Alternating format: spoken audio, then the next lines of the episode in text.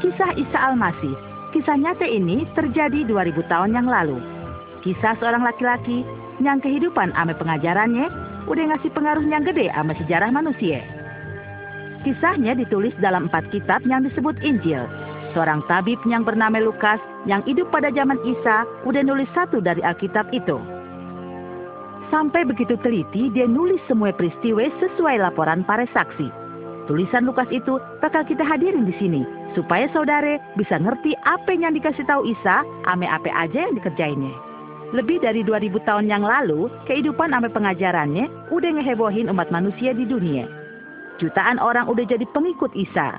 Juga dikarenain kuasanya, banyak yang ngalamin perubahan hidup. Sementara saudara ngedengerin kisah kehidupan Isa Al-Masih, saudara bakal ngedengerin tentang kelahirannya yang ajaib yang diberitain nama para malaikat. Saudara bakal ngedenger Isa Al-Masih ngajar begitu penuh kuasa tentang kerajaan Allah, merubah hidup, ngasih nasihat, semuanya itu ngasih pengaruh sama kehidupan orang yang ngedengerinnya. Saudara bakal ngedenger tentang kuasa Isa Al-Masih atas setan ame alam semesta ini, sewaktu ia ngelakuin banyak mukjizat. Kasihnya kepada manusia kebukti sewaktu dia ngobatin banyak orang sakit, ame ngasih ketenangan dalam kehidupan orang-orang itu. Akhirnya, saudari bakal ngedengerin kisah tentang sekitar kematiannya. Sekarang kita dengerin kisah Isa Al-Masih. Pada zaman Kaisar Agustus jadi Raja Roma, ame Herodes Raja Yudea, Tuhan ngutus malaikat Gabriel. Nemuin seorang perawan dari desa Nazaret. Nama perawan itu Maryam. Terus malaikat itu ngomong, Jangan takut. Allah bakal ngasih karunia sama diri lo. Sebenarnya diri lo bakal hamil terus ngelahirin bocah laki-laki. Yang lo kasih nama Isa. Mustahil. Ayah kan masih perawan. Roh Kudus bakal turun ke atas diri lo. Terus itu anak disebut anak Allah yang maha tinggi. Kerajaannya kagak bakal ada habisnya. waktu pun lewat, Maryam hamil. Terus ada berita bahwa Elizabeth saudaranya yang sekian tahun lamanya nggak punya anak, akhirnya hamil. Maryam terus buru-buru ke desa di mana saudaranya itu tinggal.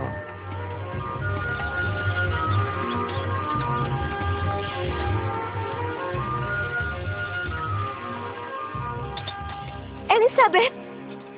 Maryam. Ah, Maryam. Diberkatin diri lu di antara perempuan. Juga jabang bayi di kandungan lu, Maria. Waktu ayah denger salam dari lu, nih anak yang ada di perut ayah bergerak kegirangan. Ame penuh perasaan, Maria mengejawab. Jiwa ayah ngagungin Tuhan. Ame hati ayah seneng sebab Allah Tuhan ayah. Mulain sekarang semua keturunan bakal nyebut ayah berbahagia.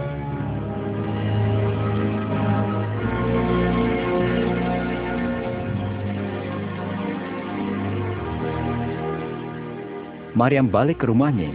Waktu ngelahirin makin deket. Terus ada kabar dari pemerintah Romawi yang ngedudukin Israel maksain adanya perubahan-perubahan.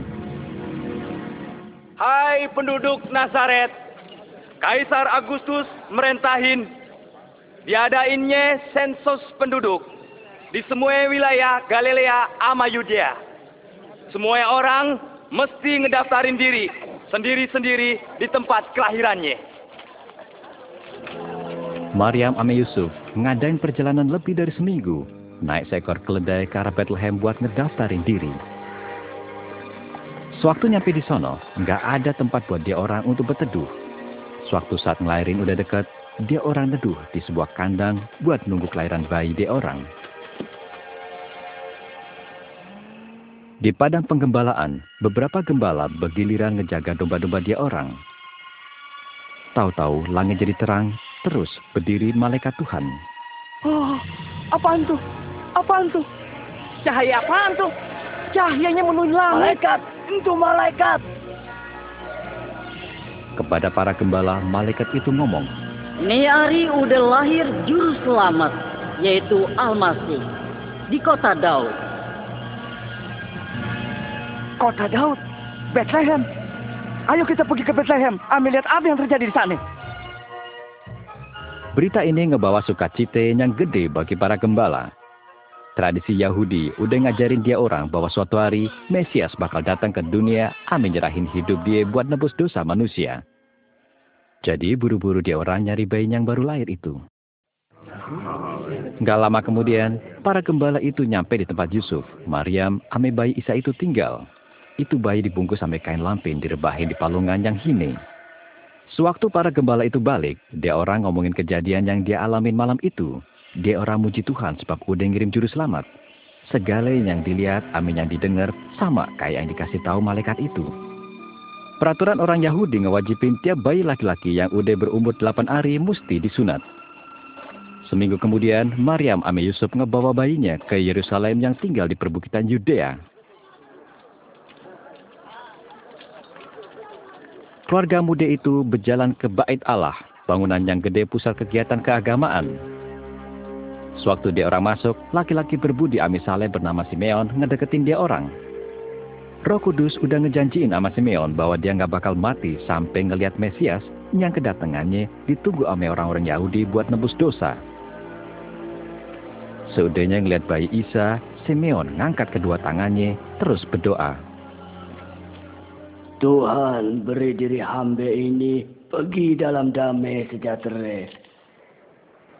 Sebab ayah udah lihat keselamatan Tuhan. Dia emang udah dipilih Allah Tuhan ngeberkatin. Terus keluarga baru itu pulang ke Nazaret. Maryam masih sering mikirin peristiwa-peristiwa luar biasa sekitar kelahiran bayinya. Dia simpan semua itu dalam hatinya. Waktu terus berjalan. Waktu Isa berumur 12 tahun, keluarganya ngadain perjalanan ke Yerusalem buat ngerayain Paskah. Tapi waktu mau pulang dia orang kaget, soalnya Isa nggak ama dia orang. Selama tiga hari penuh khawatir, Yusuf sama Maryam nyari dia ke Yerusalem. Akhirnya dia orang lihat Isa ada di bait Allah, lagi tanya jawab ame para alim ulame. Semua yang ngedengerin heran ame kecerdasan juga ame jawabannya. Ini anak luar biasa. Waktu Maryam Ami Yusuf nemuin Isa, dia dia ngasih nasihat. Terus Maryam ngomong. Isa, kenapa berbuat kayak begitu sih? Kita berdua ampe was-was nyariinnya. Kenapa nyari ayah? Apa yang nggak tahu? Ayah mesti ada di rumah bapak ayah. Kemudian Isa pulang ke Nazaret bareng orang tuanya, di mana dia semakin bertambah gede ami bijaksana. Semakin disayang Allah juga manusia. Pada tahun ke-15 pemerintahan Kaisar Tiberius di Roma, Isa berumur sekitar 30-an tahun, terus datang firman dari Allah kepada Yohanes. Dia bicara ame orang banyak tentang pentingnya bertobat, dibaptis ame hidup yang sesuai kemauan Allah.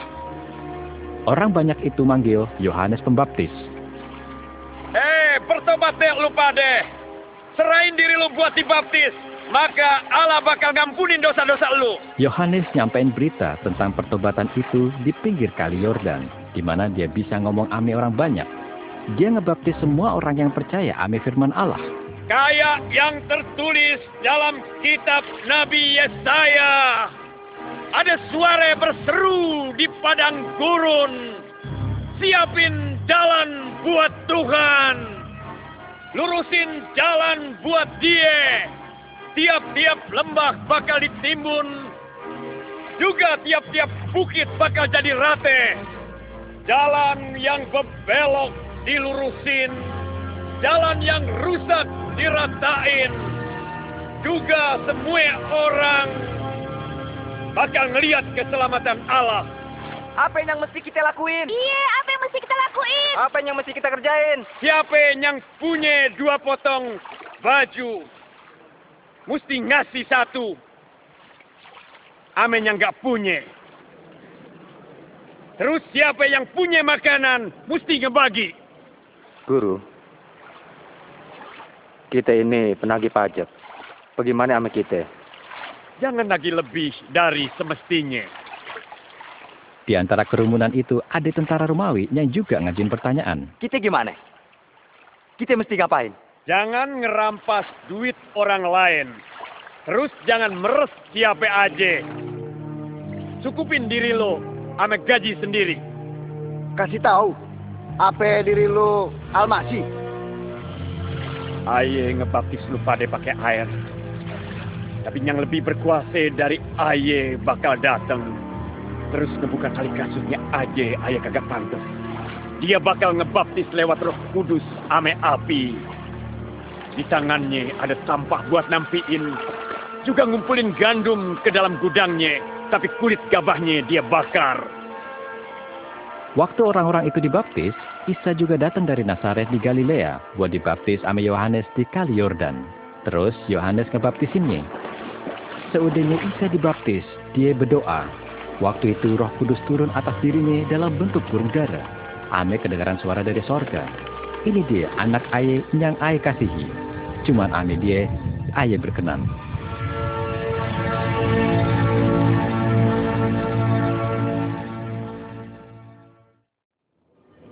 Isa yang dipimpin roh kudus pergi ke padang gurun ame tinggal selama 40 hari. Dia dicoba iblis. Selama itu hari, dia nggak makan apa-apa. Sewaktu dia ngerasa lapar, iblis ngedeketin terus ngomong. Kalau lu anak Allah, lu suruh nih batu jadi roti. Isa ngejawab kayaknya udah ketulis di Alkitab. Ada tertulis, manusia hidup bukan dari roti aja, tapi dari setiap firman Allah. Selanjutnya, iblis nunjukin nama Isa, semua isi kerajaan di dunia sambil ngomong. Gue berkuasa atas semua kekayaan ame kemuliaan itu. Gue juga bakal kasihin ke diri lu. Kalau diri lu mau sujud ame nyembah gue. Ada tertulis, sembah aja Tuhan Allah. Cuman buat dia aja semuanya berbakti. Akhirnya, iblis ngebawa Isa ke atas hubungan bait Allah di Yerusalem, terus ngomong. Kalau lu anak Allah, coba jatuhin diri lu ke bawah.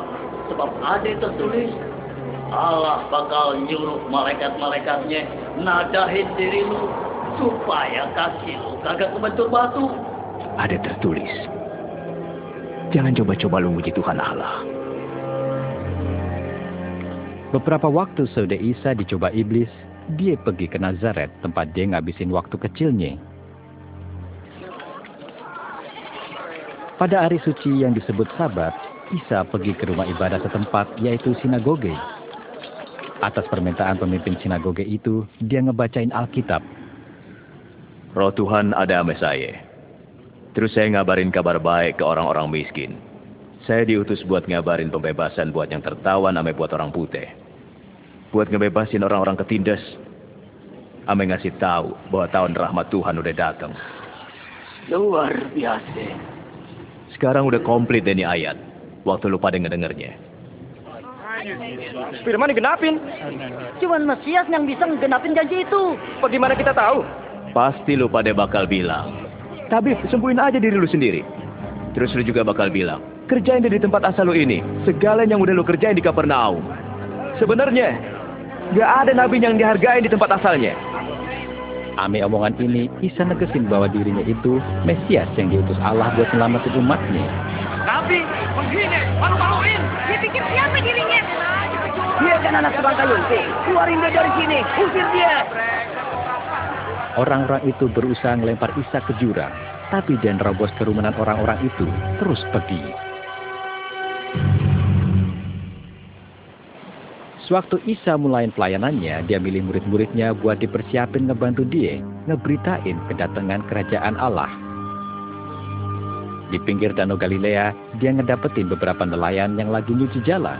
Para nelayan itu Simon Petrus, Yakobus, dan Yohanes. Di dekat situ ada dua perahu. Isa naik ke perahu Simon, terus nyuruh ke tempat yang dalam. Terus dia duduk ambil ngajar orang-orang yang ada di situ. Seudah itu, dia ngomong sama Simon. Pergi deh ke tempat yang dalam. Terus lu tebar jala buat nangkap ikan. Ah, guru. Tiap malam kita udah kerja keras. Tapi nggak dapet apa-apa. Tapi karena ini perintah, ayah pasti bakal pergi.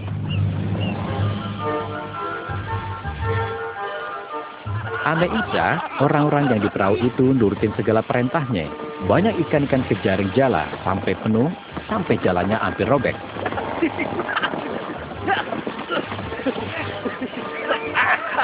Yakobus, Yohanes, bawa perahu lu kemari. Terus tolongin kita. Cepat! Dia orang datang ambil kedua perahu yang penuh ambil dengan ikan itu, sampai hampir tenggelam. Mukjizat ngeliputin diri Simon Petrus. Dia berlutut di depan Isa penuh hormat ame rasa kagum. Tinggalin aja ayah Tuhan. Ayah ini orang berdosa. Jangan takut. Mulai sekarang lo bakal ngejale manusia.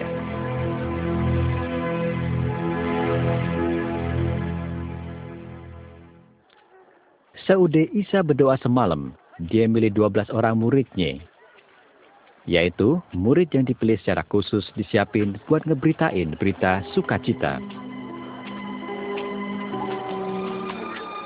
Dari nelayan, dia milih Petrus, Andreas, Yakobus, ame Yohanes. Dia juga milih Filipus, ame Bartolomeus, bareng Matius, penagih pajak. Thomas Yakobus, anak Alpius. Simon yang disebut Selot, Yudas anak Yakobus, ame Yudas Iskariot, yang akhirnya jadi pengkhianat. Banyak orang datang ame Isa dari seluruh pelosok Yudea, Yerusalem, ama sekitarnya. Orang-orang itu mau ngedengerin pengajarannya, buat disembuhin dari sakitnya, juga dibebasin dari pengaruh setan. Kuasanya nyembuhin banyak orang. Kita perluin diri Tuhan. Yang lain datang ngedengerin dia bicara. Orang-orang itu tertarik ajarannya tentang kerajaan Allah. Isa bicara langsung ke hati orang-orang itu, nasehatin juga negor.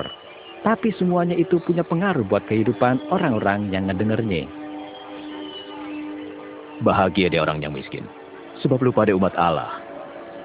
Yang lagi lapar bakal dikenyangin. Buat yang sekarang nangis bakal ketawa. Bahagia aja kalau lu dibenci, ditolak, dihina, atau difitnah. Sebab lu pada anak manusia. Senang hati sama gembira aja. Sebab lu bakal dapat upah gede di sorga. Sebab para nabi juga dulu ngalamin begitu. 17, 18, 19, 20. Udah habis? Maksud lu apa udah habis? Celaka buat lu yang sekarang kaya. Sebab lu udah pada ngenikmatinnya.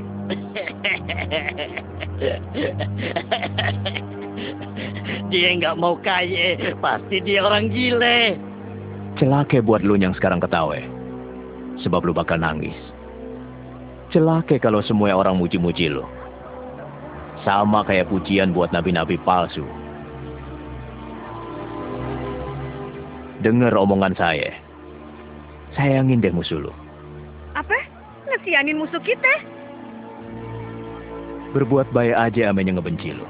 Mintain berkat buat yang untuk lu. Doain orang yang hina lu.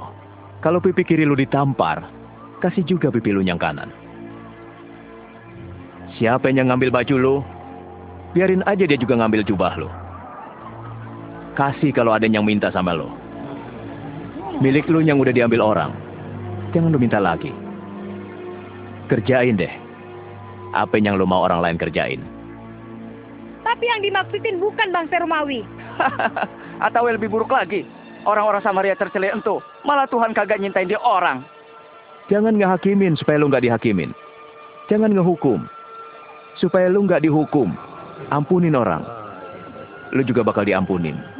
Kasih deh, lu juga bakal dikasih. Sebab ukuran yang lu pakai bakal dipakai buat lu juga. Pimpin kita Tuhan. Kalau lu cuma nyayangin orang yang nyayangin lu juga, apa artinya? Orang berdosa juga pada begitu. Kalau lu cuma berbuat baik sama orang yang berbuat baik, sama aja bohong. Sebab orang berdosa juga begitu. Enggak. Sayangin musuh lo. Berbuat baik aja. Kasih pinjaman jangan ngarepin dibayar. Pahalanya gede di sorga. Lu pada bakal jadi anak-anak Allah. Dia baik sama orang-orang yang jahat. Lu kudu murah hati. Kayak Bapa di sorga. Sementara Isa semakin terkenal, para pemimpin agama mulai khawatir sama pengajarannya, juga caranya berteman sama orang-orang yang kesisih dari masyarakat. Tapi ada satu pemuka agama kayak Simon Parisi. Dia ngomong ame salah satu temennya bahwa dia pengen kenal ame Isa. Ayah pengen kenal ame dia. Apa lu pikir dia Mesias?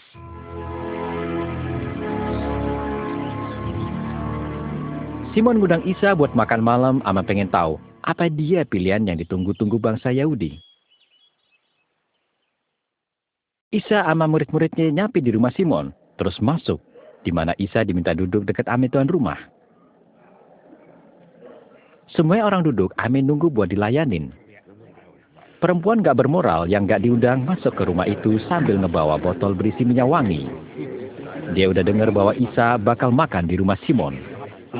Mau bikin apa dia di sini? Wah, ayah nggak tahu tuh. Perempuan itu cepat-cepat ngedeketin Isa. Ame air matanya, dia ngebasuh kaki Isa. Ame rambutnya yang panjang, dia ngeringinnya. Simon ngomong dalam hati. Kalau dia benar-benar nabi, dia pasti tahu siapa perempuan itu. Terus apa dosa-dosa yang udah diperbuatnya. Perempuan itu ngebuka botol, terus nuangin minyak wangi ke kaki Isa. Isa ngeliat tuan rumah, terus ngomong. Saya kenal amin orang, Simon. Nih, dengerin ya. Ada dua orang yang punya utang sama satu orang. Yang satu lima ratus, satunya lima puluh dinar. Karena nggak mampu bayar, utang dua-duanya terus dihapus. Mana yang lebih bersyukur?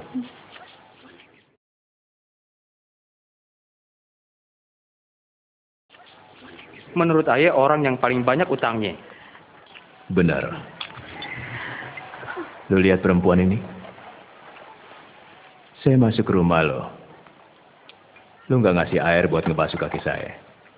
Tapi ngebasuhnya pakai air mate, terus nyeka pakai rambutnya. Lo nggak nyium saya. Tapi dia terus nyium kaki saya. Lo nggak minyakin kepala saya. Tapi dia minyakin kaki saya. Dengar nih. Kasihnya yang gede nunjukin bahwa dosanya yang banyak udah diampunin. Sebab yang sedikit diampunin, sedikit juga berbuat kasih. Terus Isa ngomong ame perempuan itu. Dosa lu udah diampunin. Pergi deh, damai sejahtera buat lo.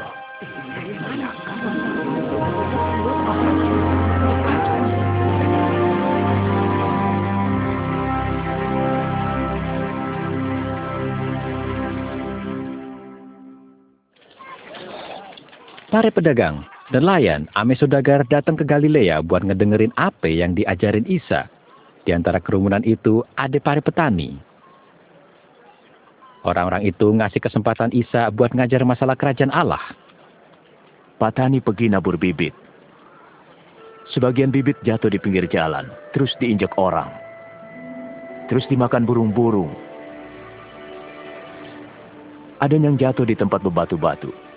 Numbuh sebentar terus layu, sebab nggak dapat air. Sebagian lagi jatuh di semak berduri. Numbuh tapi kegencet. Terus mati.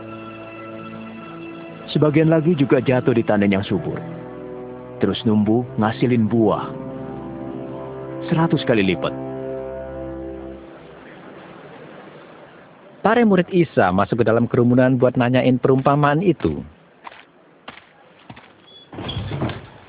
Guru, apa sebenarnya yang dimaksud perumpamaan itu? Diri lu dikasih karunia memahamin rahasia kerajaan Allah. Tapi buat dia-dia yang diajarin pakai perumpamaan, supaya biar kate pada ngeliat, ame ngedenger tapi nggak ngerti. Ini arti perumpamaannya. Bibit itu, ya firman Allah. Yang jatuh di pinggir jalan itu, ya orang yang ngedengerin. Tapi iblis datang, terus ngerampas tuh firman. Sampai dia-dia pada nggak percaya, jadi nggak diselamatin. Yang jatuh di tempat bebatu-batu itu, orang yang ngedenger amin yang nerimanya. Tapi nggak berakar. Dia-dia pada percaya sebentar. Waktu masih percobaan datang. dia dia jadi murtad. Yang jatuh di semak berduri itu orang yang ngedenger. Tapi rasa khawatir ame kenikmatan duniawi neken dia dia. Jadi nggak ngasilin buah. Yang jatuh di tanah yang subur itu. Orang yang ngedenger firman terus disimpan dalam hatinya. Terus dia bertahan sampai ngasilin buah. Isa nekenin pelajaran ini ame contoh yang diambil dari kehidupan sehari-hari di Galilea. Nggak ada orang yang nyalain lampu terus ditutupin. Atau ditaruh di bawah tempat tidur. Yang benar di atasnya. Jadi orang bisa ngelihat cahayanya waktu masuk rumah. Sebab semuanya nggak kelihatan bakal kelihatan. Semuanya yang dirahasiain pasti bakal ketahuan juga.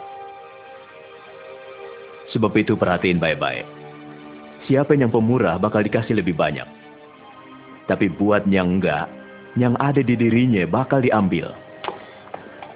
Guru, ibu ame saudara-saudari guru ada di luar, mau ketemu guru. Ibu ame saudara saya, dia-dia yang ngedengar firman Allah. Ame ngelaksanainnya.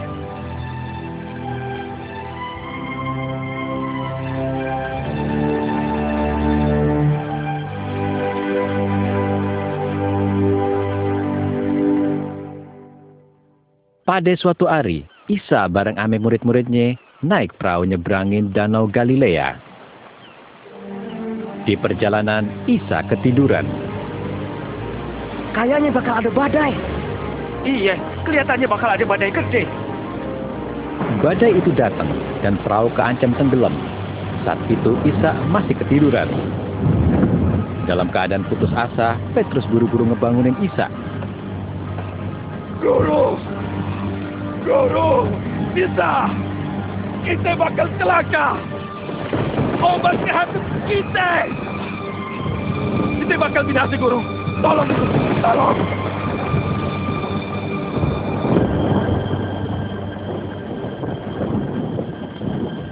Isa berdiri, terus menangin badai.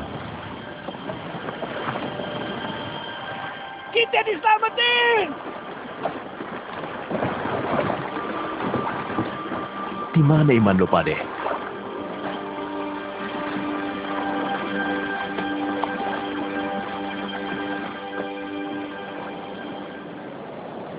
Saudah nenangin badai, Isa ame para muridnya belayar ke wilayah Gadara.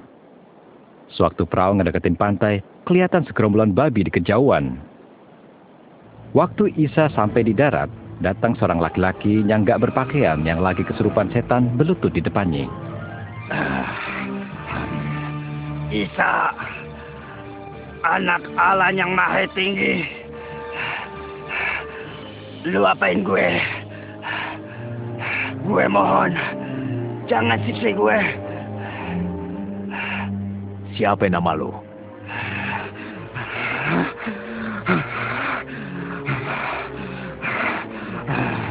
Legion. Isa gue mohon, jangan usir gue ke jurang maut. Biar gue masuk ke dalam babi, babi itu.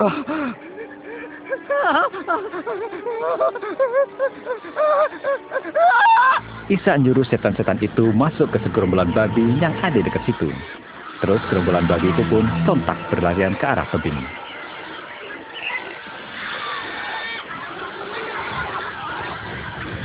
Hei, balik! Berhenti! Berhenti! Ayo balik!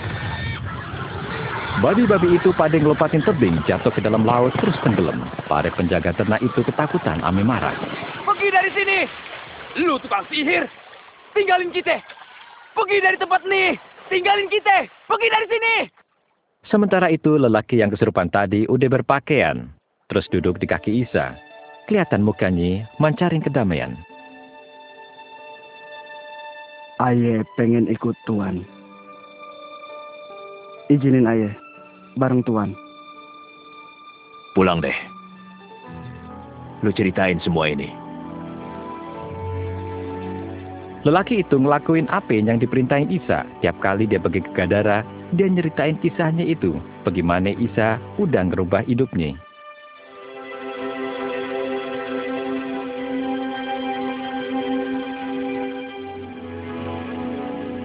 Di kota Kapernaum di Galilea, Isa ngedapetin sekelompok orang yang siap ngedengerin ajarannya tentang kerajaan Allah. Tahu-tahu dari kerumunan itu, nerobos orang yang namanya Yairus. Dia kepala rumah ibadat Yahudi setempat. Yairus mohon pada Isa. Isa, Isa, ayah mau selamatin anak ayah. Tuhan, kasihanin ayah. Dia sakit parah, hampir mati. Tolong, tolong ayah. Isa terus ninggalin orang banyak pergi bareng ame lelaki itu ke rumahnya. Di jalan seorang teman keluarganya itu ngedeketin dia dia. Maaf ya Rus. Udah deh, dia udah mati. Jangan ganggu guru lagi. Isa. Jangan takut. Percaya aja deh, dia bakal baik. Kata-kata Isa itu nentremin Jairus. Dia orang terus melanjutin perjalanan ke rumahnya. Banyak orang ikut berduka cita sambil nepok dada dalam kesedihan. Begitu sampai di halaman rumah, Isa nyuruh orang-orang itu pergi. Cuman Yairus ame bininya juga tiga orang muridnya, yaitu si nelayan Petrus, Yakobus, ame Yohanes yang boleh masuk ke rumah itu. Dia orang ngedapetin anak perempuan itu ngegeletak di sebuah tikar. Isa terus megang tangannya sambil ngomong. Jangan nangis. Dia nggak mati, cuma tidur.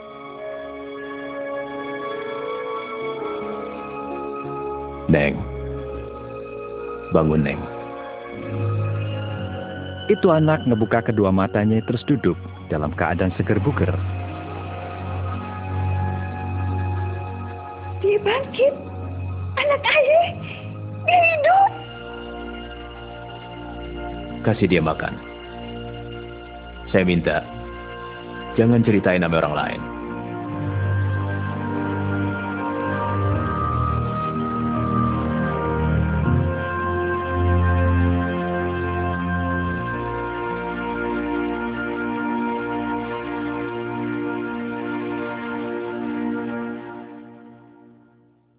Ke mana aja Isa pergi di Galilea, banyak orang yang datang. Orang-orang itu pengen ketemu ame sang guru yang penuh kasih, ame ngedengerin pengajarannya yang penuh kuasa. Dengar omongan saya. Jangan khawatir soal hidup lu juga soal apa yang bakal lu makan. Atau apa yang mau lu pakai. Sebab hidup itu lebih penting daripada makanan. Juga badan daripada pakaian. Coba lu perhatiin burung-burung gagak. Dia nggak nanam, nggak manen, nggak punya gudang atau lumbung. Tapi Allah melihara dia pada. Sebenarnya lu lebih dari burung-burung itu. Kita kan perlu perhatiin diri kita sendiri. Siapa yang karena kekhawatirannya bisa nambah sejengkal jalan hidupnya. Kalau lo nggak sanggup ngerjain hal yang paling kecil, buat apa khawatir hal-hal lain? Perhatiin aja kembang bakung, gimana dia nunggu. Nggak mintal, nggak nenung. Salomo biar kate megah, pakaiannya nggak sebagus salah satu dari kembang itu. Kalau Allah ngedandanin rumput yang hari ini ada, besok dibuang ke dalam api, apalagi terhadap diri lu, Pade. Hei, orang yang kurang percaya.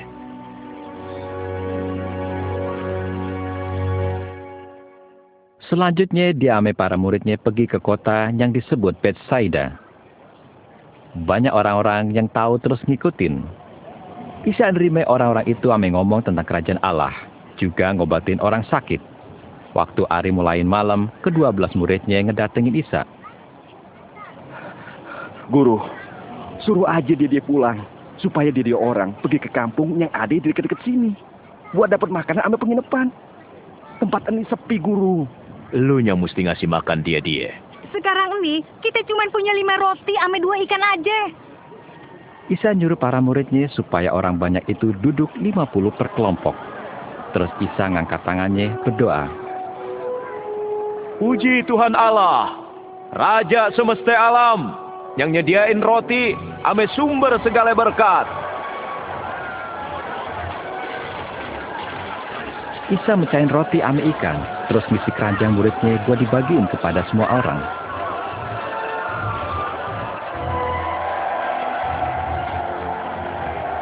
Lima ribu orang, termasuk perempuan ame anak-anak. Semua orang makan sampai kenyang. Ah, mukjizat. Wah, ini mujizat. Para murid Isa berjalan ke kelompok orang-orang itu ngumpulin sisa-sisa makanan. Sisa makanan itu jumlahnya 12 keranjang penuh.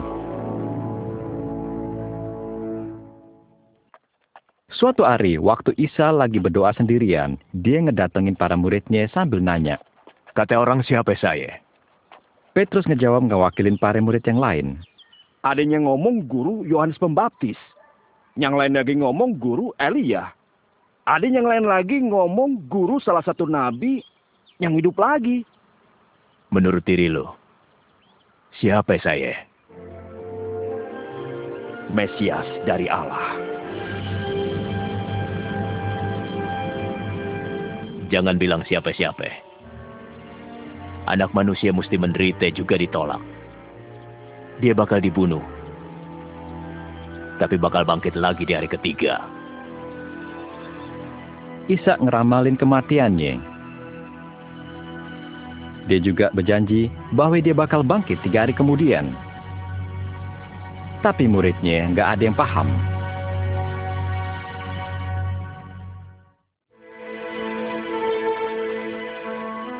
Waktu sore hari, Isa sama para muridnya pergi ke kaki gunung Hermon. Dalam dinginnya udara sore itu, dia milih tiga orang muridnya, yaitu Petrus, Yakobus, dan Yohanes, pergi bersamanya naik ke gunung untuk berdoa.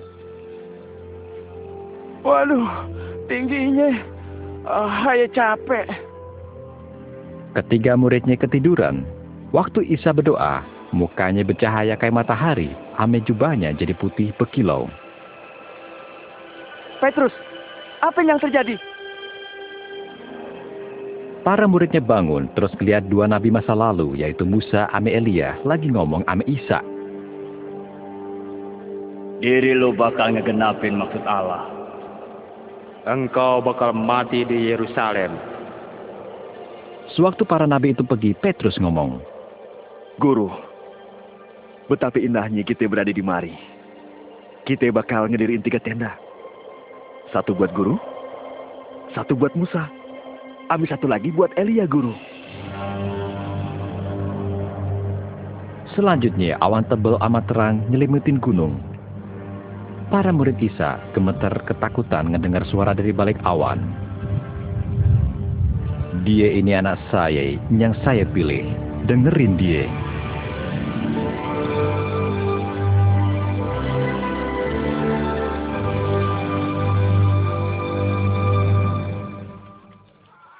Seudahnya kejadian di puncak gunung itu, Isa bareng Petrus, Yakobus sama Yohanes nemuin para muridnya yang lain. Sekelompok orang ngumpul ngelilingi anak lelaki yang kesurupan. Dia datang! Dia di mari! Lihat! Guru! Guru! Ayo mohon guru ngeliat anak ayah. Tolong. Tolong dia. Soalnya dia anak ayah atu-atunya. Ayo udah minta murid-murid guru buat ngusir roh jahat itu. Tapi nggak ada yang mampu. Hei, lo pada yang nggak percaya juga yang sesat. Berapa lama lagi saya mesti tinggal di tengah-tengah lo? Bawa anak lo ke sini. Terus rojat itu ngebanting badan anak lelaki itu ke tanah, aneh ngegoncang-goncangin. Isa merintahin rojat itu pergi. Sudah itu, tuh anak sembuh. Ini namanya mujizat.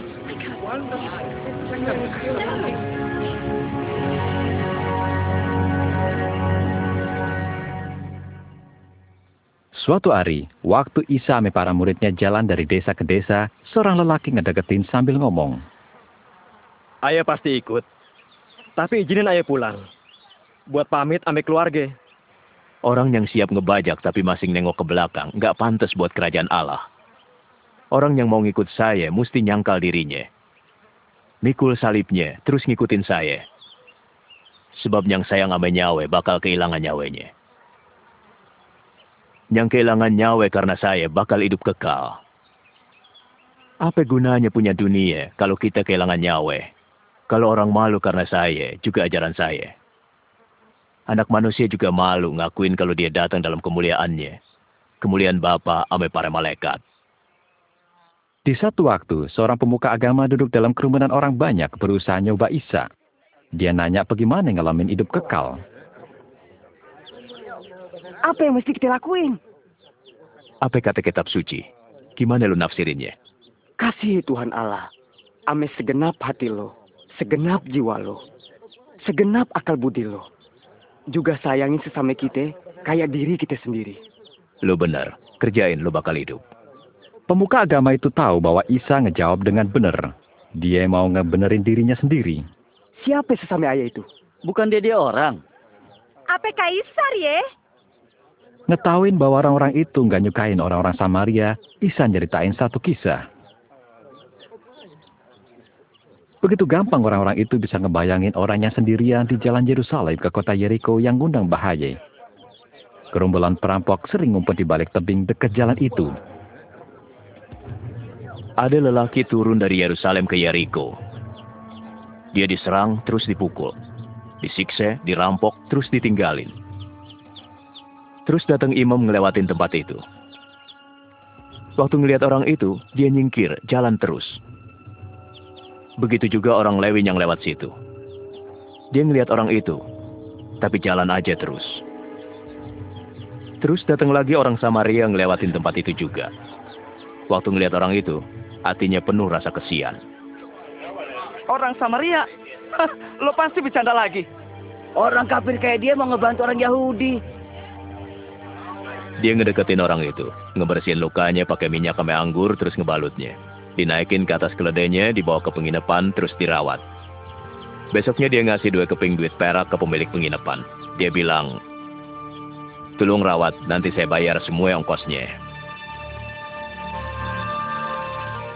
Nah, yang mana di antara ketiga orang itu yang udah bertindak sebagai sesama orang yang dirampok? Orang yang udah nunjukin belas kesian padanya. Isa minta dia pergi ame ngelakuin hal yang sama. Pergi deh, terus berbuat deh kayak gitu.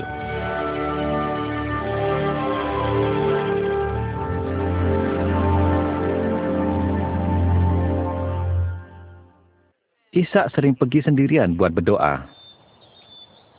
Suatu hari, para murid ngedeketin juga nanya, Ajarin kita berdoa, kayak Yohanes ngajarin murid-muridnya.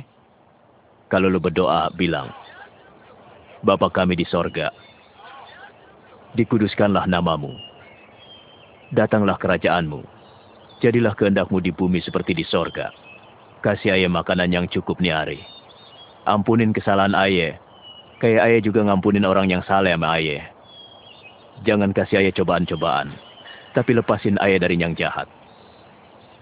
Sewaktu para muridnya jalan bareng dari satu desa ke desa lain, Isa sering berhenti buat ngasih pelajaran tentang doa yang perlu dipelajarin. Minta aja, pasti lu bakal dikasih. Cari aja, pasti lu bakal dapet. Ketok aja, pasti bakal dibukain pintu. Sebab tiap orang yang minta pasti dikasih. Tiap orang yang nyari pasti dapat. Juga tiap orang yang ngetok pasti dibukain pintu. Apa maksud guru? Apa ada di antara para babe yang ngasih anaknya ular waktu dia minta ikan? Atau kalau jengking waktu dia minta telur? Lu yang jahat aja tahu ngasih yang baik buat anak-anak lu. Apalagi bapak yang di sorga, dia bakal ngasih roh kudus buat yang minta. Bahagia banget perempuan yang ngelahirin sama netein Tuhan. Lebih bahagia orang yang ngedengerin firman Allah. Apalagi taat.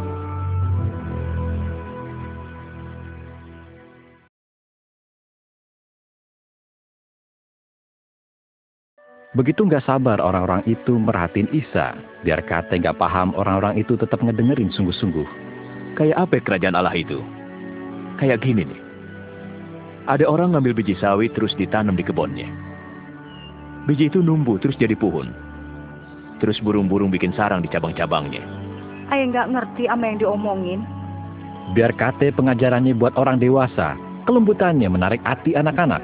Orang-orang itu ikut duduk di kaki Isa sambil ngedengerin. Isa ngomong ame murid-muridnya. Gak mungkin gak ada kejahatan. Tapi celaka lo yang berbuat jahat. Lebih baik kalau batu kilingan diiketin ke lehernya, terus dia dilempar ke dalam laut. Daripada nyesatin orang-orang yang lemah ini. Tambahin iman kita. Kalau lu punya iman segede biji sawi, lu bisa ngomong amen pun. Kecabut lo, terus ketanam di laut. Dia bakal taat sama lo. Sebenarnya di mana kerajaan Allah tuh? Coba jelasin. kerajaan Allah nggak ada yang bisa lihat. Nggak ada yang bilang, lihat, dia di sana atau di sini. Sebab kerajaan Allah ada dalam diri lu. Bakal datang waktunya lu mau ngelihat satu dari hari-hari anak manusia. Tapi lu nggak bakal ngelihat. Sebab kayak kilat dari ujung ke ujung, ya begitu anak manusia di hari kedatangannya nanti. Tapi dia mesti nanggung banyak penderitaan dulu, juga ditolak kami orang-orang ini. Isa senang ada di antara anak-anak. Kadang-kadang para muridnya nyoba ngusir anak-anak itu, tapi Isa dengan lembut ngegendong anak-anak itu sambil ngajar para muridnya ngasih contoh.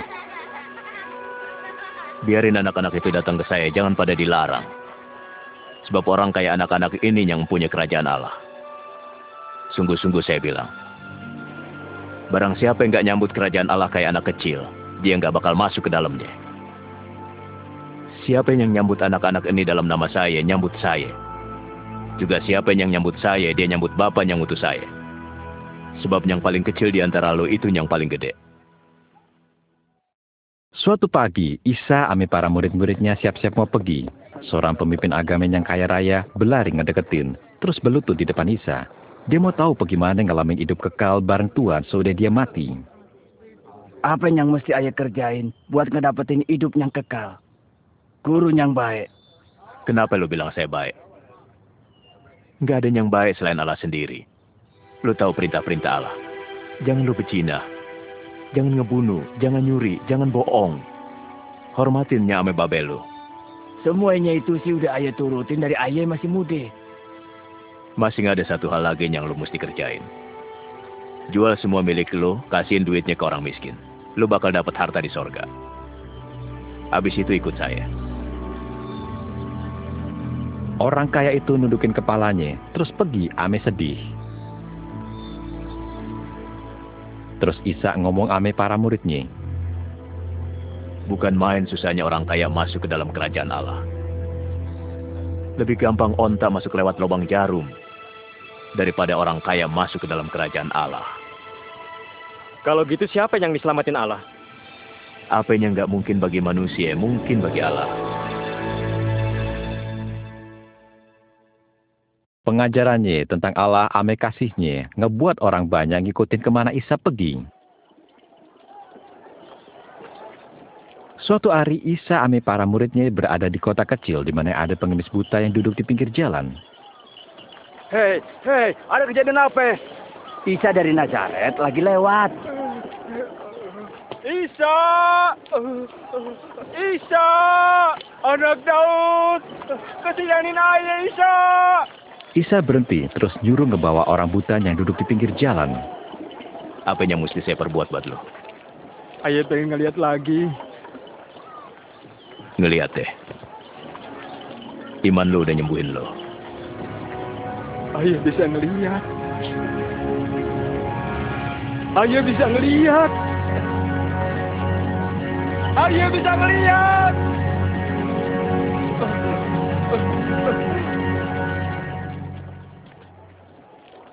Mukjizat yang dibuat Isa negesin bahwa dia itu anak Allah.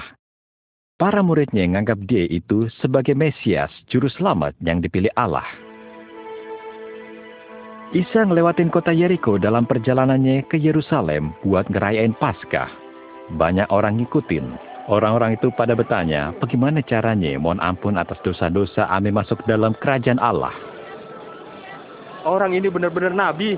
Tuhan, guru ayah, selamatin ayah. Oh Tuhan, selamatin kita.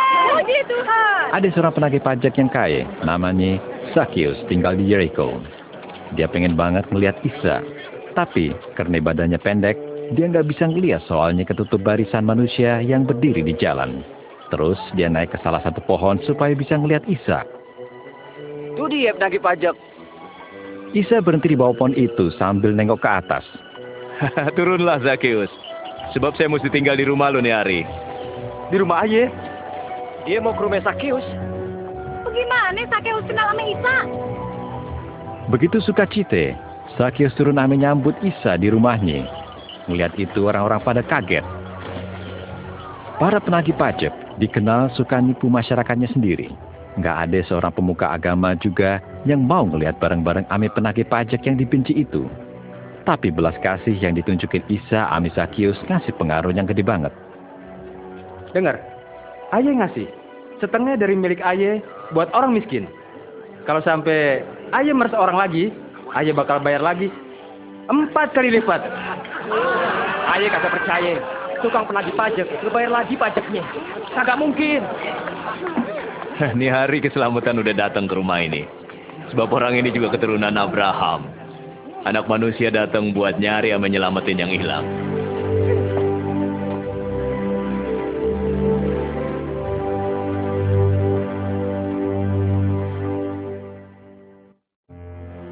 Isa tahu apa yang terjadi di Yerusalem. Dia ngomong secara pribadi ame para muridnya tentang apa yang bakal terjadi nanti.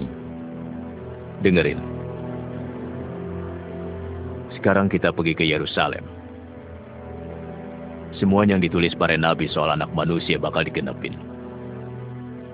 Dia bakal diserahin ke orang-orang kafir. Dia bakal dihina. Dia juga bakal diludahin, terus disiksa. Dia bakal dibunuh. Tapi saat hari ketiga, dia bakal bangkit. Ngedeketin Yerusalem, Isa milih jalan ke kota ame naikin seekor keledai muda. Hal ini ngegenapin Alkitab 500 tahun sebelumnya bahwa seorang raja yang menang masukin kota naikin seekor keledai. Kerumunan orang banyak yang ngumpul di sekitar Isa bersuka cita atas kedatangannya. Orang-orang itu memanggil Isa raja. Puji Tuhan. Orang ini benar-benar nabi. Tuhan, tunjukin jalan yang benar. Muliain Tuhan.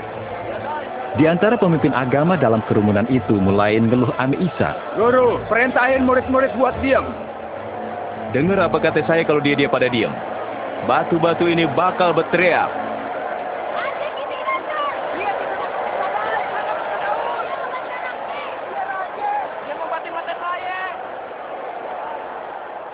Tapi sewaktu Isa ngedeketin Yerusalem, dia berhenti aming lihat ke sekeliling kota. Dia nangis karena kayaknya udah diperkirain kota itu bakal hancur sebab banyak orang yang gak bisa nerima dia sebagai Mesias.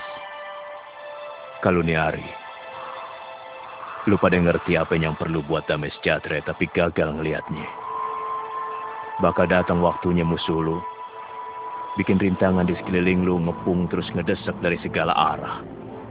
Di dalam tembok lu dia dia bakal ngancurin lu. Lu sama anak-anak lu.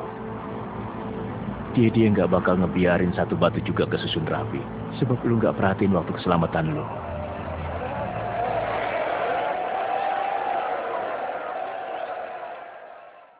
Waktu itu seminggu sebelum Paskah, suatu perayaan keagamaan yang khusus di Yerusalem. Isa lewat serambi bait Allah terus masuk ke halaman gedung. Bait Allah digunain buat ibadat ame berdoa. Tapi sekarang para imam ngizinin sebagian bangunan dikorbanin jadi pasar. Di mana para pedagang nuker duit ame jual binatang buat korban di bait Allah. Hanya pengen beli dua burung dara. Nih kambing, kambing yang bagus. Isa jadi murke. Sambil ngebalikin meja-meja duit, Isa ngusir para pedagang dari tempat itu. Ada tertulis, rumah saya rumah doa. Tapi lu jadiin sarang penyamun. Dia ngelepasin binatang-binatang ayah. Berhentiin dia. Berhentiin. Hei, panggil penjaga. Panggil penjaga.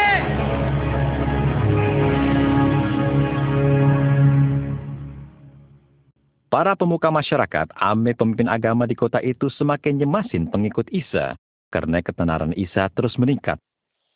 Ayo tahu banyak orang udah ngakuin dia sebagai raja. Raja. raja para pengemis, pelacur juga pencuri. Kita udah ngeliat sebelumnya. Dia dia datang buat nyatain dan ngelupainnya. Jangan nutup mata. Pengikutnya makin bertambah. Dia dia orang ngemuliain. Juga nganggap dia raja. Lu mesti hati-hati. Kalau sampai orang ini bikin keributan, lu semua gua tuntut. Barangkali aja dia benar. Sekarang waktunya ngadepin dia. Setiap hari, Isa ngajar di bait Allah. Dateng deh. Terus dengerin saya. Lu pada bakalan hidup. Cari aja Tuhan selama dia bersedia ditemui. Ngomong deh selama dia dekat. Sebaiknya orang jahat ninggalin jalannya. Terus tobat deh. Sebab Tuhan bakal ngelimpahin ampunannya. Pasti lu pada bakal seneng hati, terus pergi dibarengin hati damai. Suatu hari, sekelompok ahli Taurat ngedeketin Isa, ame nanyain dari mana kuasanya buat ngajar juga ngebuat mukjizat. Ngomong, atas dasar apa ngelakuin semua nih? Siapa yang ngasih wewenang? Sekarang saya tanya, apa baptisan Yohanes itu dari Allah atau manusia? Orang-orang itu mundur buat ngomongin secara pribadi soal kerjaan yang dikerjain Yohanes Pembaptis. Jawaban kita apa?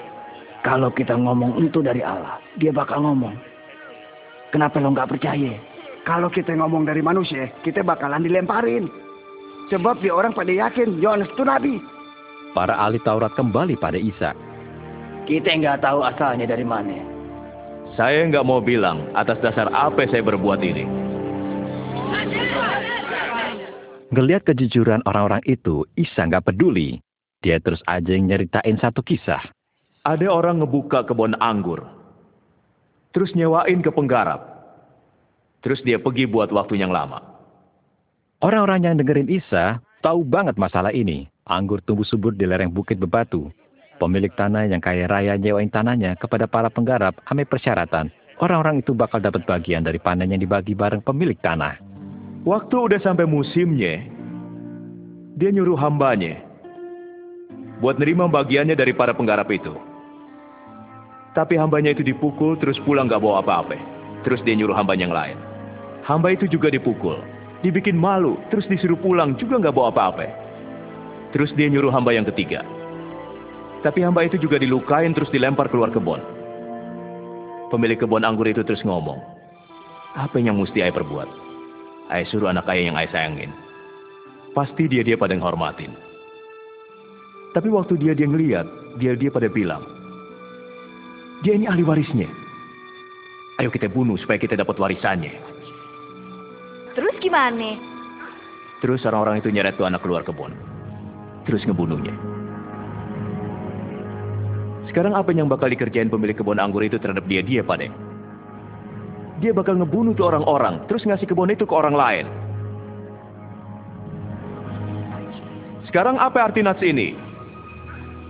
Batu yang dibuang sama tukang-tukang bangunan udah jadi batu yang paling penting.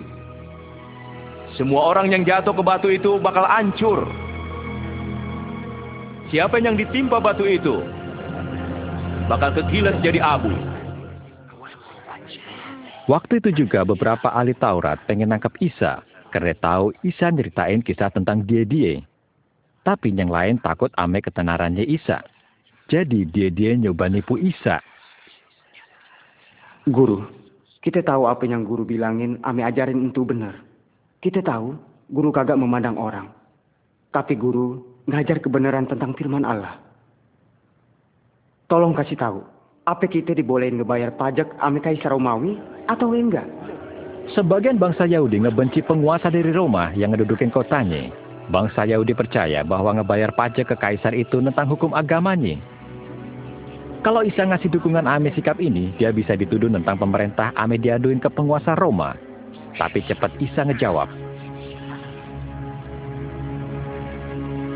Tunjukin ke saya sekeping duit. Gambar Ame nama siapa ini? Kaisar! Kalau gitu kasih ke Kaisar. Apa yang Kaisar punya? Kasih ke Allah. Apa yang Allah punya? Apa jawabannya tentang itu? ahli Taurat itu terpesona ame kate-kate Isa. Pada waktu Isa berdiri di luar bait Allah merhatiin orang-orang ngasih persembahan pada Allah. Di antara orang-orang itu ada seorang jana miskin yang cuma ngasih dua keping duit. Eh itu terlalu dikit. Bisa kasih lebih enggak? Saya kasih tahu nih. Janda ini ngasih lebih banyak daripada yang lain. Sebab dia dia udah ngasih dari kelimpahannya. Tapi dia, janda ini, ngasih semua yang dia milikin. Para imam ame para guru hukum terus ngerencanain buat ngebunuh Isa. Jalan keluarnya didapat dari salah satu dari dua belas murid Isa sendiri. Iblis masuk ke dalam diri Judas Iskariot. Terus dia ngadain pertemuan secara rahasia ame para imam itu. Terus setuju buat ngianatin Isa. Ame imbalan dikasih 30 keping duit perak. Saat ini bangsa Yahudi mulai ngerayain Paskah. Petrus ame Yohanes diutus buat ngebawa pulang seekor domba dan nyiapin perjamuan makan. Terus Isa bareng ame para muridnya masuk ruang atas rumah, ame duduk ngelilingin meja.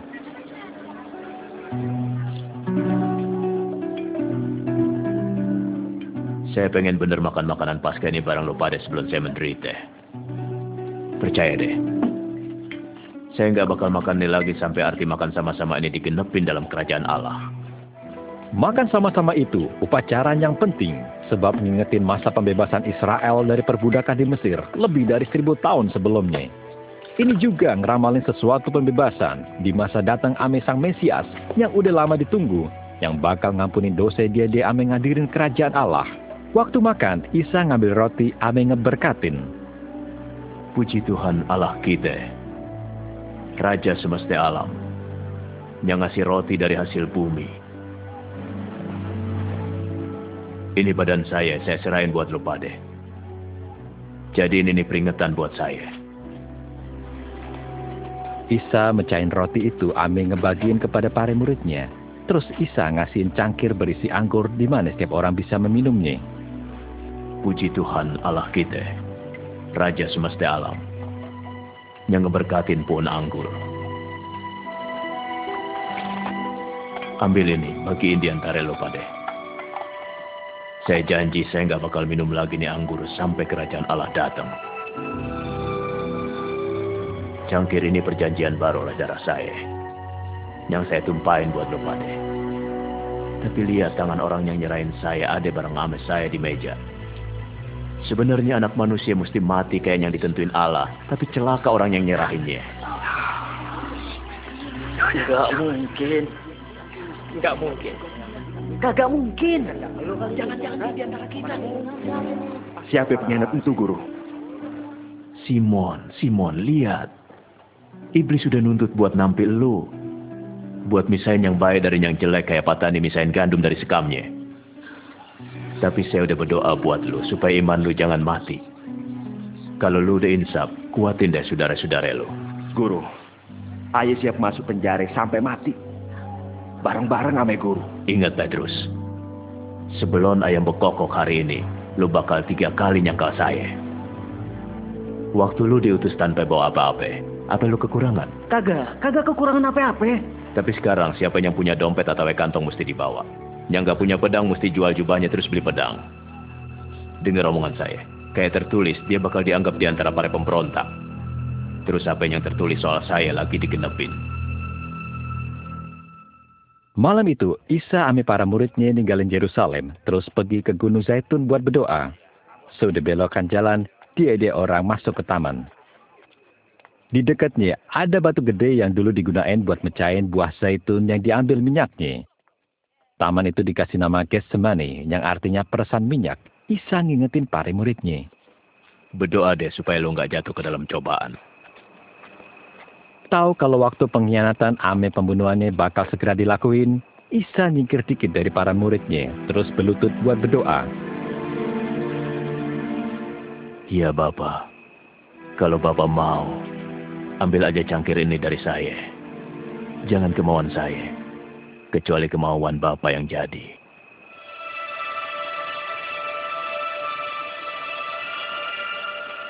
Dalam ketakutannya, Isa berkeringat Terus keringat itu jatuh kayak titik-titik darah netes ke tanah. Seorang malaikat datang dari surga buat nguatin dirinya. Waktu bangun, Isa ngedapetin para muridnya ketiduran.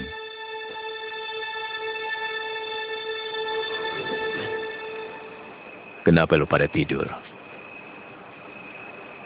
Bangun. Berdoa supaya jangan jatuh dalam pencobaan. Wah. Tahu-tahu datang serombongan imam ame penjaga, dipimpin Yudas Iskariot. Murid Isa yang gak setia itu ngedeketin Isa buat cium dia. Isa nanya ame dia. Yudas, apa yang menciuman lu serain anak manusia?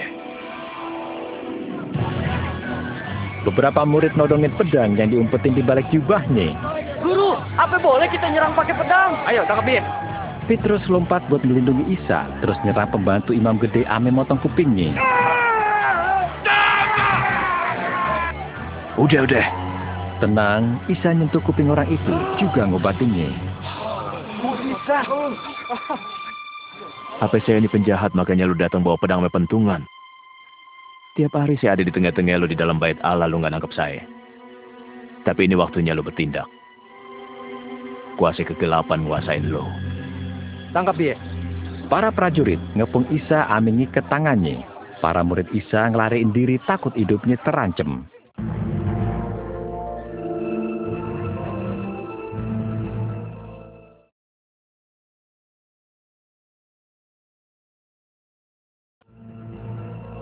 Lewat jalan-jalan Yerusalem yang gelap juga sepi, para serdadu ngebawa Isa ke rumah imam kepala. Jaga baik-baik. Petrus ngikutin dari kejauhan langsung ke halaman gedung. Api unggun gede di dekat tempat itu dinyalain, sementara penjaga bersiap-siap buat malam panjang. Petrus bergabung ame para penjaga yang ngelilingin api, sampai akhirnya ada yang ngenalinnya. Orang ini juga bareng-bareng sama Isa. Ayah kagak kenal sama dia. Bener, ayah ngeliat sendiri. Para penjaga nutup mata Isa terus mulai mukulin. Siapa yang mukul lu, ha? Ayo tebak, siapa yang bakal mukul lu lagi? Nggak lama, waktu Petrus gugup ngelangkah ngiterin halaman gedung, ada orang lain lagi yang ngenalin dia. Lu salah satu dari orang-orang itu ya? Bukan, bukan ayah. Sementara itu, para imam kepala buru-buru ngumpul. Petugas disuruh ngebawa Isa dari para penjaga yang nyemoohin. Ambe-ambe lu yang rendah hati. Berhenti. Gue bilang berhenti. Bawa dia ke pengadilan. Ayo. Pemimpin dewan mulai nanyain Isa. Bilang, apa diri lu Mesias? Kalau saya jelasin, lu nggak bakal pada percaya. Terus kalau lo saya tanya, lu nggak bakal pada ngejawab. Mulain sekarang anak manusia bakal duduk di sebelah kanan Allahnya Maha Kuasa. Kalau begitu, lu anak Allah? Lu sendiri yang bilang. Siapa yang ngasih kuasa buat ngomongin masalah itu? Kita udah nggak dengar sendiri apa yang diomongin. Dosa. Kita bawa ke Pilatus. Iya benar, ayo kita bawa. Ayo, bawa dengerin lagi Pilatus. Ayo, ayo. Sewaktu Isa digiring keluar, ada orang di kerumunan itu nunjuk Petrus. Benar, orang ini pengikut Isa. Sebab dia juga orang Galilea. Ayah kagak ngerti apa yang lo omongin. Isa nengok, Ame ngeliat ke muridnya sekaligus temennya. Petrus ingat Ame ramalan itu. Ingat Petrus. Sebelum ayam berkokok hari ini, lu bakal tiga kali nyangkal saya. Petrus ninggalin halaman itu sambil nangis.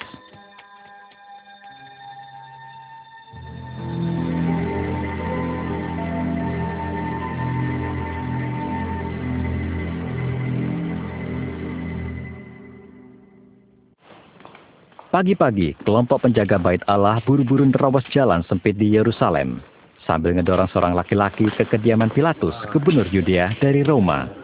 Ayo. Pilatus terkenal udah ngehukum ribuan orang, juga sedikit naruh perhatian ame orang-orang Yahudi. Apa yang nyebabin lu pada ke sini pagi-pagi? Orang ini udah ngasut raja, Tuan. Dia biang keladi keributan di bait suci. Apa hukuman buat nih orang? Hukum aja dia. Pejabat Romawi kurang naruh perhatian ame masalah keagamaan setempat, kecuali kalau yang nyangkut tata tertib warga. Gue kagak punya alasan buat ngehukum orang ini. Kita ngedapetin dia bersalah. Dia ngelarang rakyat ngebayar pajak sama Kaisar. Terus ngaku dirinya Mesias. Raja. Tuduhan ini narik perhatian Pilatus. Ini barangkali artinya pengkhianatan. Ame ngancem posisinya. Raja? Apa diri lu raja orang Yahudi? Kayak yang lu bilang. Dia dari Galilea terus sekarang sampai sini. Di Galilea? Dia ini orang Galilea. Kalau begitu, kita bakal nyerahin ame Herodes. Bukannya dia masih di sini, di Yerusalem. Bawa dia ke Herodes. Iya, Tuan.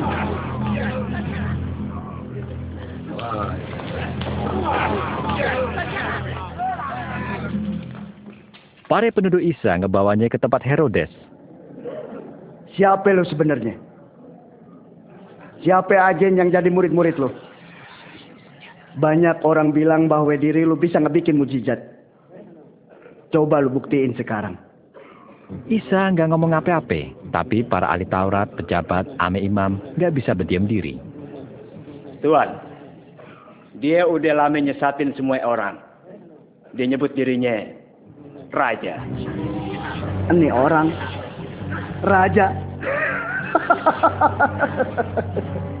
Herodes mulai ngehina Isa, ame ngebikin malu dia, juga makein jubah merah di punggungnya. Yang mulia, hajar dia. Pulangin ke Pilatus. Ini wilayahnya. Waktu Isa, para penjaga, ama imam kepala nyampe ke tempat Pilatus, orang-orang udah berkumpul di situ. Para serdadu, orang-orang yang ngerayain pasca ame banyak lagi lainnya, sekarang berdiri di muka kursi pengadilan. Biar begitu Pilatus masih belum mau ngehukum Isa.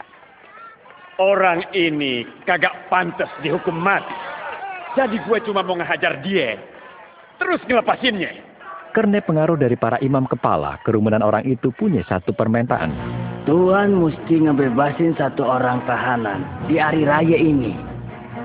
Udah jadi kebiasaan bahwa setiap pasca orang Romawi ngelepasin seorang tawanan yang dihukum mati. Tolong bebasin Barabas. Bebasin Barabas. Terus singkirin orang ini. Barabas. Bunuh Isa! Salibin aja dia! Iya! Salibin dia! Lu? Lu? Cabuk dia! Tapi pukulan keras para penjaga yang dirasain Isa ternyata nggak muatin hati kerumunan orang-orang yang makin kejam. Nunggu apa lagi Tuan Pilatus? Paku dia! Paku dia di kayu salib! Khawatir timbul kerusuhan, akhirnya Pilatus setuju buat nyalipin Isa. Isa dipaku pada sebuah salib kayu. Di bawah tekanan dari orang-orang itu, Pilatus setuju buat ngebebasin pembunuh bernama Barabas. Waktu dia ngasih perintah buat nyalipin Isa, dia ngomong, Ayah nggak bersalah atas darah orang ini. Iya! Biarin darahnya jadi tanggung jawab kita! Ame anak-anak kita! Para tentara kerajaan ngebawa Isa ke dalam gedung. Bilang bakal ada kejadian apa? Hah? apa lu mampu nyelamatin kita? Ayo kita beresin kerjaan ini. Seudahnya mukul Isa, para serdadu makain jubahnya lagi. Amin ikat sebuah palang kayu ke atas punggungnya yang terluka. Terus kedorong Isa keluar karena kerumunan orang di jalan-jalan Yerusalem ama maksanya berjalan keliling kota. Ayo. Beberapa saat sebelum jam 9 pagi, para serdadu ke tempat yang biasa dipakai eksekusi di luar Yerusalem yang disebut Golgota atau Bukit Tengkorak. Laki-laki yang malam tuh disetengah mati. Kasih Dia jalan! disiksa secara ngebabi buta di luar batas. Karena kecapean, Isa jatuh ke tanah. Palang kayu masih keikat di punggungnya. Supaya bisa terus bergerak, pemimpin tentara Romawi nyari orang lain buat ngebawa palang itu. Eh lo, siapa nama lo? Simon dari Kirene. Gantiin dia. Putusin talinya. Ayo, ayo jalan! Cepat! Buruan, minggir! Kasih jalan! Eh, lo mundur, mundur, mundur, mundur! Banyak orang ngikutin Isa. Beberapa perempuan ngedeketin Isa. Kita nangisin engkau. Nih, minum nih. Ayo.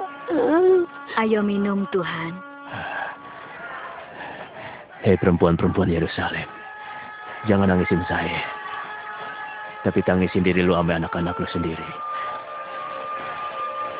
Sebab kalau orang bisa berbuat begitu terhadap kayu hidup, apalagi terhadap kayu kering. Allah pasti bakal nolong Tuhan. Kita doain diri Tuhan. Akhirnya dia nyampe di Golgota, ada sesuatu yang nyeremin mulai kerasa. Isa yang sekarang berdampingan ame dua orang penjahat dibukain pakaiannya. Palang kayunya dipasang melintang pada sebuah tiang kayu yang terus berbentuk salib. Ame pas tangan-tangannya dipaku. Serdadu-serdadu itu juga makuin kaki Isa. Oh, ayo angkat. Oh. Nancepin pasaknya. Lepasin talinya. Lepasin talinya. Saudah nyalipin ketiga orang itu, para tentara naruh sebuah tanda di atas kepala Isa, berbunyi, ini dia, Raja orang Yahudi. Terus dia dia nunggu sampai ketiganya mati ame merhatiin kerumunan orang yang berdiri dekat situ. Habis itu Isa ngomong dari salib. Ampunin dia dia Bapak. Dia dia pada nggak tahu apa yang diperbuat.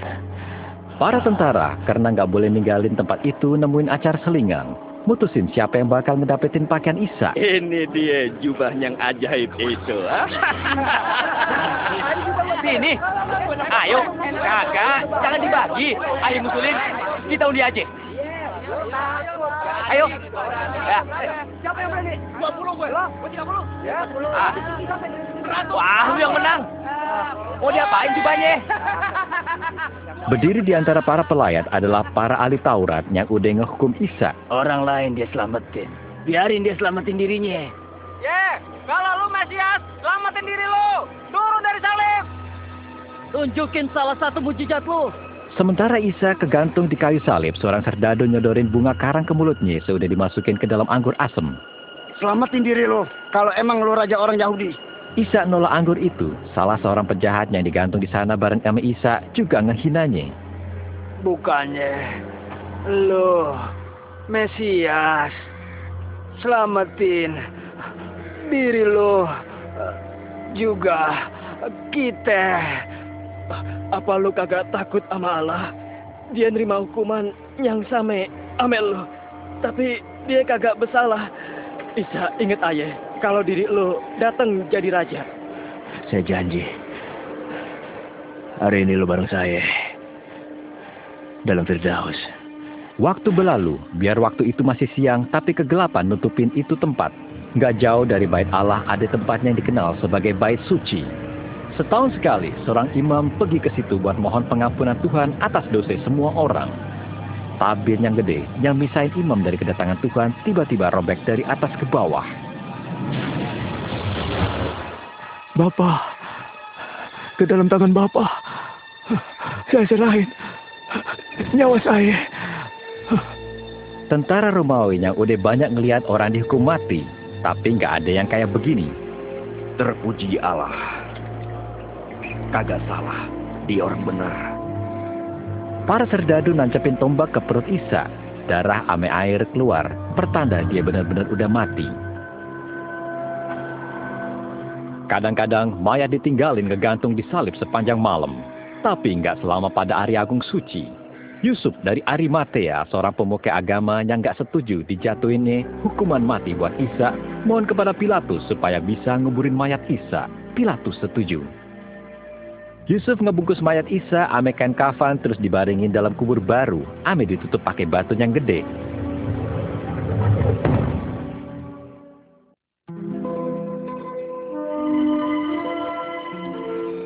Waktu Yusuf ame para pembantunya ninggalin kubur, dia dia ngeliat ada sekelompok perempuan. Dia dia ngikutin Isa dari dia masih hidup sampai nyaksiin kematiannya dari kejauhan.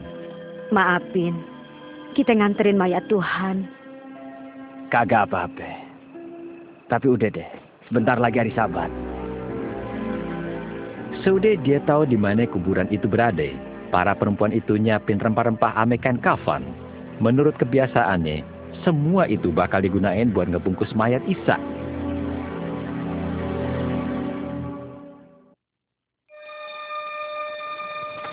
Pada hari Minggu dini hari, para perempuan itu buru-buru ke kuburan itu. Dia ngirain bakal dapat masalah, karena batu yang nutupin kuburan pasti berat banget. Bukan main kagetnya dia, batu itu udah terguling, terus dia ngeliat mayat Isa udah nggak ada. Cuman kain kafannya yang ketinggalan di kubur. Dua laki-laki ame pakaian bercahaya tahu-tahu nongol. Orang-orang itu gemetaran ketakutan waktu para malaikat ngomong sama dia. Kenapa lu pada nyari dia yang hidup di antara orang mati? Dia kagak ada di sini. Dia udah bangkit kayak yang udah dibilangin sewaktu di Galilea. Bahwa anak manusia mesti diserahin ke tangan orang-orang berdosa. Disalibin ame bakal bangkit pada harinya ketiga. Kenangan ame Isa muncul di para perempuan itu. Kenangan ame semua yang udah diomongin waktu Isa ngajar di kaki bukit juga sepanjang jalan. Jangan bilang siapa-siapa. Anak manusia mesti menderita juga ditolak. Dia bakal dibunuh, tapi bakal bangkit lagi di hari ketiga. Ame pengertian baru, para perempuan itu buru-buru balik buat nyari ke sebelas murid Isa. Hai dengar, batu untu udah keguling. Kita masuk. Terus mayat Tuhan kita hilang. Apa? Mayat Isa hilang. Dua orang malaikat juga berdiri dekat kita. Bercahaya kayak matahari. Terus ngomong. Kenapa nyari yang hidup? Diantarin yang mati. Ini benar. Percaya deh. Percaya. Kita semua udah ngeliat. Pergi aja lihat sendiri. Makam Isa udah kosong. Tuhan udah pergi. Lu mesti percaya sama kita, Petrus. Petrus berlari buat melihat sendiri, sementara yang ngebingungin itu sewaktu siang. Dua orang lain lagi buru-buru balik ame murid yang ngumpul di Yerusalem buat nyampein hal yang ngagetin itu. Bener, Isa udah bangkit. Dia nongolin diri ke Simon. Waktu di perjalanan, kita nggak kenalin. Tapi sewaktu bacain roti, kita kenalin. Di Emmaus. Aneh kalau dia pergi ke sono. Sejahtera buat lo. Isa tahu-tahu berdiri di tengah orang-orang. Nggak ada pintu yang ngebuka atau nutup. Orang-orang itu kaget juga takut ngira bahwa dia ngeliat setan. Kenapa lo takut? Kenapa timbul rasa ragu dalam pikiranmu? Lihat, tangan saya sama kaki saya.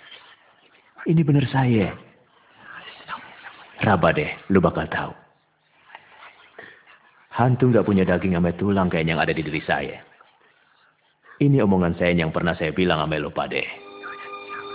Semua yang tertulis soal saya dalam Taurat Musa sama kitab Nabi-Nabi juga kitab Zabur mesti digenepin. Kayak yang tertulis. Mesias mesti menderita. Terus bangkit di hari ketiga. Terus dalam namanya, kabar soal pertobatan dan pengampunan dosa mesti disampaikan ke segala bangsa mulai dari Yerusalem. Lo itu saksi dari semuanya. Saya bakal ngutus roh kudus buat lo pada. Lo mesti tinggal di Yerusalem. Sampai lo semua pada nerima roh kudus itu. Isa tampil beberapa kali pada kelompok orang yang berbeda dari pengikut-pengikutnya. Ame sekali pada satu kelompok yang terdiri dari 500 orang di gunung di Galilea, dia ketemu Ame 11 muridnya. Tuhan ngeberkatin juga melihara lo. Ke saya udah dikasih segala kuasa di sorga sama di bumi. Karenanya pergi deh, terus jadiin semua bangsa murid saya, terus baptis dia pada dalam nama Bapa, Anak, sama Roh Kudus. Ajarin dia pada berbuat segala yang udah saya perintahin sama lo pada. Lo mesti tahu, saya ngiringin lo pada terus, sampai ke akhir zaman. Amin. Akhirnya, 40 hari seudah kebangkitannya lagi, Isa ngebawa para muridnya ke satu taman di Bukit Zaitun. Dia ngangkat tangannya ama ngeberkatin orang-orang. Sementara dia ngeberkatin, dia ninggalin orang-orang itu terus keangkat ke surga.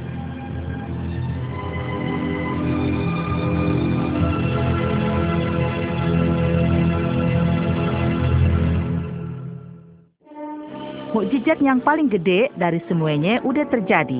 Isa udah ngalahin maut. Nggak diraguin lagi, dia kayak yang udah diomongin. Dia itu Tuhan pencipta dalam rupa manusia, yang datang nyerahin jiwanya buat nebus dosa dunia. Ini udah direncanain Tuhan dari awal mulanya. Isa bilang bahwa dia bakal ngampunin dosa-dosa kita kalau kita nerimanya jadi juru selamat. Siapa yang percaya, dia bakal hidup kekal sama Tuhan seudahnya meninggal. Dia udah ngeramalin bahwa dia bakal mati sebagai pengorbanan buat ngebayar dosa-dosa dunia. Dia juga ngomong bahwa dia bakal bangkit lagi, nunjukin bahwa dia itu juru selamat yang hidup. Jadi, dia bakal nyelamatin semua orang yang percaya sama dia. Isa sendiri ngomong, Saya ini kebangkitan sama hidup. Barang siapa percaya sama saya, dia bakal hidup biar kata dia udah mati. Isa pengen ngampunin dosa-dosa sama ngisi hidup saudara. Dia pengen nunjukin pada saudara suatu kehidupan yang lebih baik. suatu kehidupan yang belimpean, penuh arti, ame bertujuan. Isa ngomong, Lihat, saya berdiri di depan sembari ngetok pintu.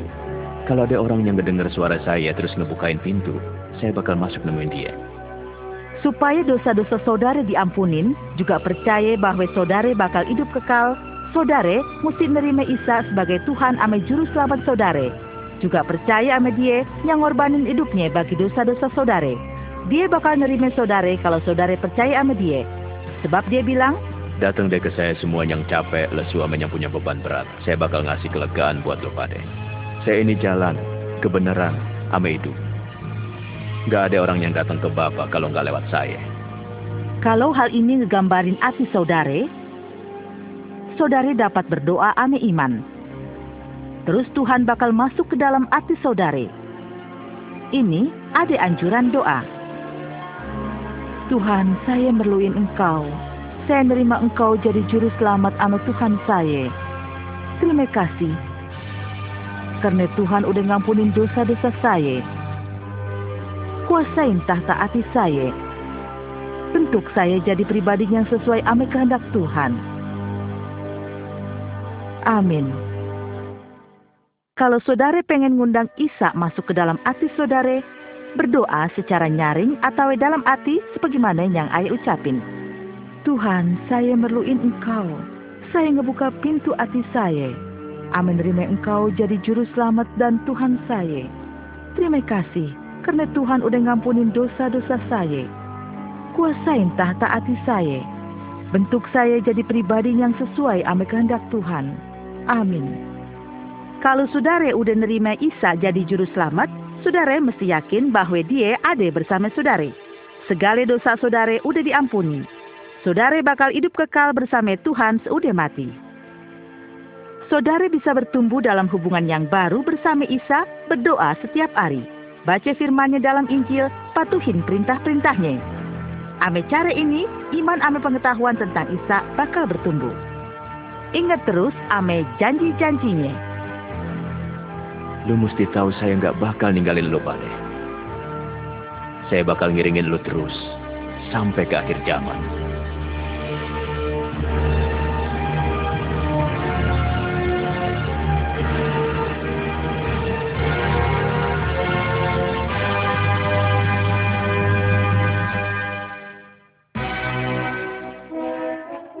Kalau saudara pengen penjelasan lebih lanjut tentang Isa, tulis aja surat ke kita. Dalam surat itu, ceritain tentang saudara ame beberapa orang yang udah ngedengerin kisah ini bersama saudara. Terima kasih karena saudara udah ngedengerin.